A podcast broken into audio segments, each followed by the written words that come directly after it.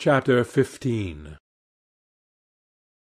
That evening at eight thirty, exquisitely dressed, and wearing a large buttonhole of Parma violets, Dorian Gray was ushered into Lady Narborough's drawing-room by bowing servants. His forehead was throbbing with maddened nerves, and he felt wildly excited, but his manner, as he bent over his hostess's hand, was as easy and graceful as ever. Perhaps one never seems so much at one's ease as when one has to play a part. Certainly no one looking at Dorian Gray that night could have believed that he had passed through a tragedy as horrible as any tragedy of our age. Those finely shaped fingers could never have clutched a knife for sin, nor those smiling lips have cried out on God and goodness. He himself could not help wondering at the calm of his demeanour, and for a moment felt keenly the terrible pleasure of a double life. It was a small party, got up rather in a hurry by Lady Narborough, who was a very clever woman with what Lord Henry used to describe as the remains of really remarkable ugliness.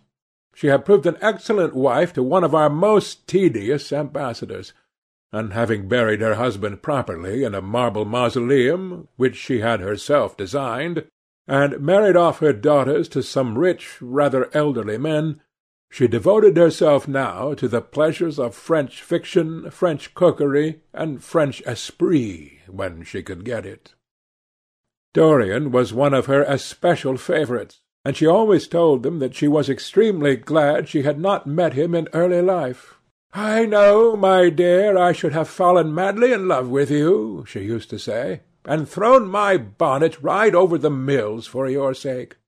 It is most fortunate that you were not thought of at the time. As it was, our bonnets were so unbecoming, and the mills were so occupied in trying to raise the wind, that I never had even a flirtation with anybody. However, that was all Narborough's fault. He was dreadfully short-sighted, and there is no pleasure in taking in a husband who never sees anything. Her guests this evening were rather tedious. The fact was, as she explained to Dorian, behind a very shabby fan, one of her married daughters had come up quite suddenly to stay with her, and to make matters worse had actually brought her husband with her. "I think it is most unkind of her, my dear," she whispered. Of course I go and stay with them every summer after I come from Homburg, but then an old woman like me must have fresh air sometimes, and besides, I really wake them up. You don't know what an existence they lead down there. It is pure, unadulterated country life. They get up early because they have so much to do, and go to bed early because they have so little to think about. There has not been a scandal in the neighbourhood since the time of Queen Elizabeth, and consequently they all fall asleep after dinner. You shan't sit next either of them. You shall sit by me and amuse me.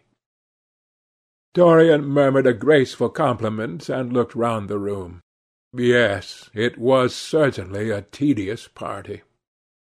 Two of the people he had never seen before and the others consisted of Ernest Harrowden, one of those middle-aged mediocrities so common in London clubs, who have no enemies, but are thoroughly disliked by their friends; Lady Ruxton, an overdressed woman of forty-seven, with a hooked nose, who was always trying to get herself compromised, but was so peculiarly plain that to her great disappointment no one would ever believe anything against her; Mrs. Erlynne a pushy nobody with a delightful lisp and Venetian red hair; Lady Alice Chapman, his hostess's daughter, a dowdy, dull girl, with one of those characteristic British faces that, once seen, are never remembered; and her husband, a red-cheeked, white-whiskered creature who, like so many of his class, was under the impression that inordinate joviality can atone for an entire lack of ideas. He was rather sorry he had come, till Lady Narborough, looking at the great ormolu gilt clock that sprawled in gaudy curves in the mauve-draped mantel-shelf, exclaimed, "How horrid of Henry Wotton to be so late! I sent round word to him this morning on chance, and he promised faithfully not to disappoint me. It was some consolation that Harry was to be there, and when the door opened, and he heard his slow musical voice lending charm to some insincere apology, he ceased to be bored. But at dinner he could not eat anything. Plate after plate went away untasted. Lady Narborough kept scolding him for what she called an insult to poor Adolphe, who invented the menu specially for you. And now and then Lord Henry looked across at him, wondering at his silence and abstracted manner. From time to time the butler filled his glass with champagne. He drank eagerly, and his thirst seemed to increase. "Dorian," said Lord Henry at last, as the chaud was being handed round, what is the matter with you to-night? You are quite out of sorts." "I believe he is in love," cried Lady Narborough, "and that he is afraid to tell me for fear I should be jealous. He is quite right. I certainly should." "Dear Lady Narborough," murmured Dorian, smiling, "I have not been in love for a whole week; not, in fact, since Madame de Ferrol left town. "How you men can fall in love with that woman!" exclaimed the old lady. "I really cannot understand it." "It is simply because she remembers you when you were a little girl, Lady Narborough," said Lord Henry. "She is the one link between us and your short frocks." "She does not remember my short frocks at all, Lord Henry. But I remember her very well at Vienna thirty years ago, and how décolletée she was. "She is still décolletée," he answered, taking an olive in his long fingers. "And when she is in a very smart gown, she looks like an edition de luxe of a bad French novel.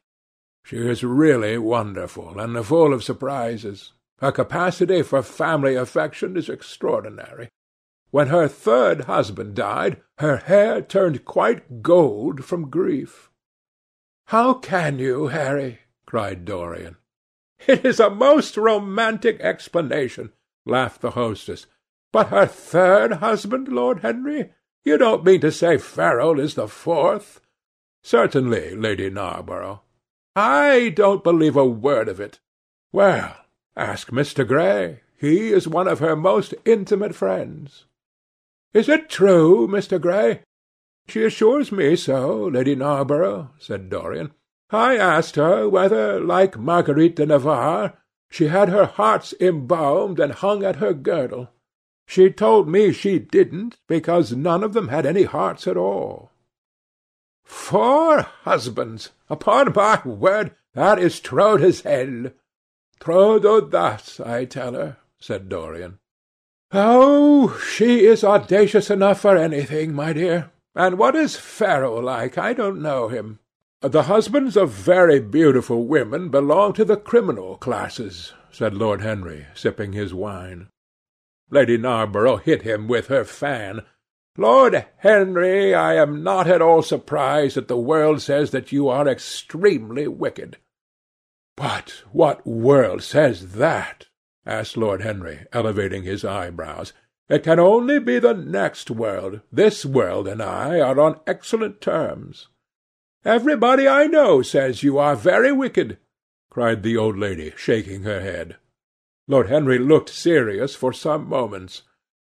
"It is perfectly monstrous," he said, at last, "the way people go about nowadays saying things against one behind one's back that are absolutely and entirely true." "Isn't he incorrigible?" cried Dorian, leaning forward in his chair. "I hope so," said his hostess, laughing. "But really, if you all worship Madame de Ferrol in this ridiculous way, I shall have to marry again so as to be in the fashion." "You will never marry again, Lady Narborough," broke in Lord Henry. "You were far too happy. When a woman marries again, it is because she detested her first husband. When a man marries again, it is because he adored his first wife. Women try their luck; men risk theirs." "Narborough wasn't perfect," cried the old lady. If he had been, you would not have loved him, my dear lady, was the rejoinder. Women love us for our defects.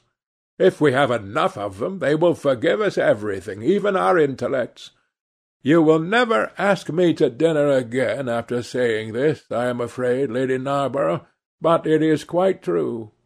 Of course it is true, Lord Henry. If we women did not love you for your defects, where would you all be? Not one of you would ever be married. You would be a set of unfortunate bachelors, not, however, that that would alter you much. Nowadays all the married men live like bachelors, and all the bachelors like married men. Fin de siècle, murmured Lord Henry. Fin de globe, answered his hostess.